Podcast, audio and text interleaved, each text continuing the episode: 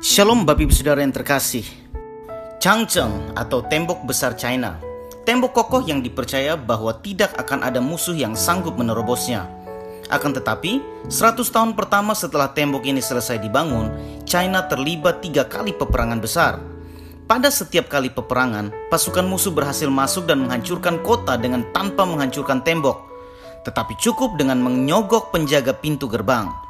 Musuh kelihatannya sangat memahami bahwa tembok besar China sulit diruntuhkan, sedangkan melemahkan atau menghancurkan karakter penjaga pintu sangatlah mungkin. Inilah bagian strategi yang diterapkan musuh untuk dapat memasuki wilayah kekaisaran China saat itu. Sebagai orang Kristen, saya percaya bahwa dalam menjalani pekerjaan Tuhan, strategi dan perencanaan tidak bertentangan dengan doa dan pimpinan Roh Kudus yang spontan. Kedua hal ini bisa berjalan dalam harmoni yang sempurna dengan pimpinan Tuhan. Kita menyadari akan bahaya menggunakan akal pikiran manusia saja untuk tugas misi. Dalam Mazmur 127 ayat 1 mengatakan, "Jika bukan Tuhan yang membangun rumah, maka sia-sialah usaha orang untuk membangunnya." Di sisi lain, Allah sendiri memiliki rencana untuk membangun rumahnya. Dan secara historis, ia telah menyediakan kemampuan untuk memahami sesuatu yang strategis ketika umatnya terbuka untuk menerima hal itu.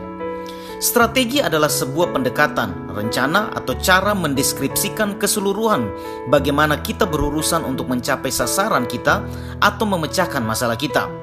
Strategi mencari serangkaian sarana dan metode yang mungkin, dan beragam cara kerja yang terbaik untuk menyelesaikan sebuah tujuan.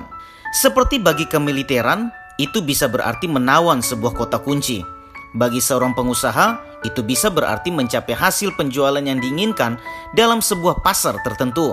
Dan bagi organisasi Kristen, itu bisa berarti mulai dari memutuskan di negara mana akan melayani hingga pendekatan keseluruhan dalam menjangkau sebuah kelompok suku atau komunitas tertentu. Pada akhirnya, strategi misi yang baik menyebabkan kita membuat suatu pernyataan iman berkenaan dengan pendirian kerajaan Allah di antara sebuah kelompok komunitas tertentu yang belum terjangkau. Hal itu memaksa kita untuk bergantung pada Roh Kudus untuk menghadapi berbagai tantangan dari setiap situasi yang unik. Selamat melayani, Tuhan Yesus memberkati.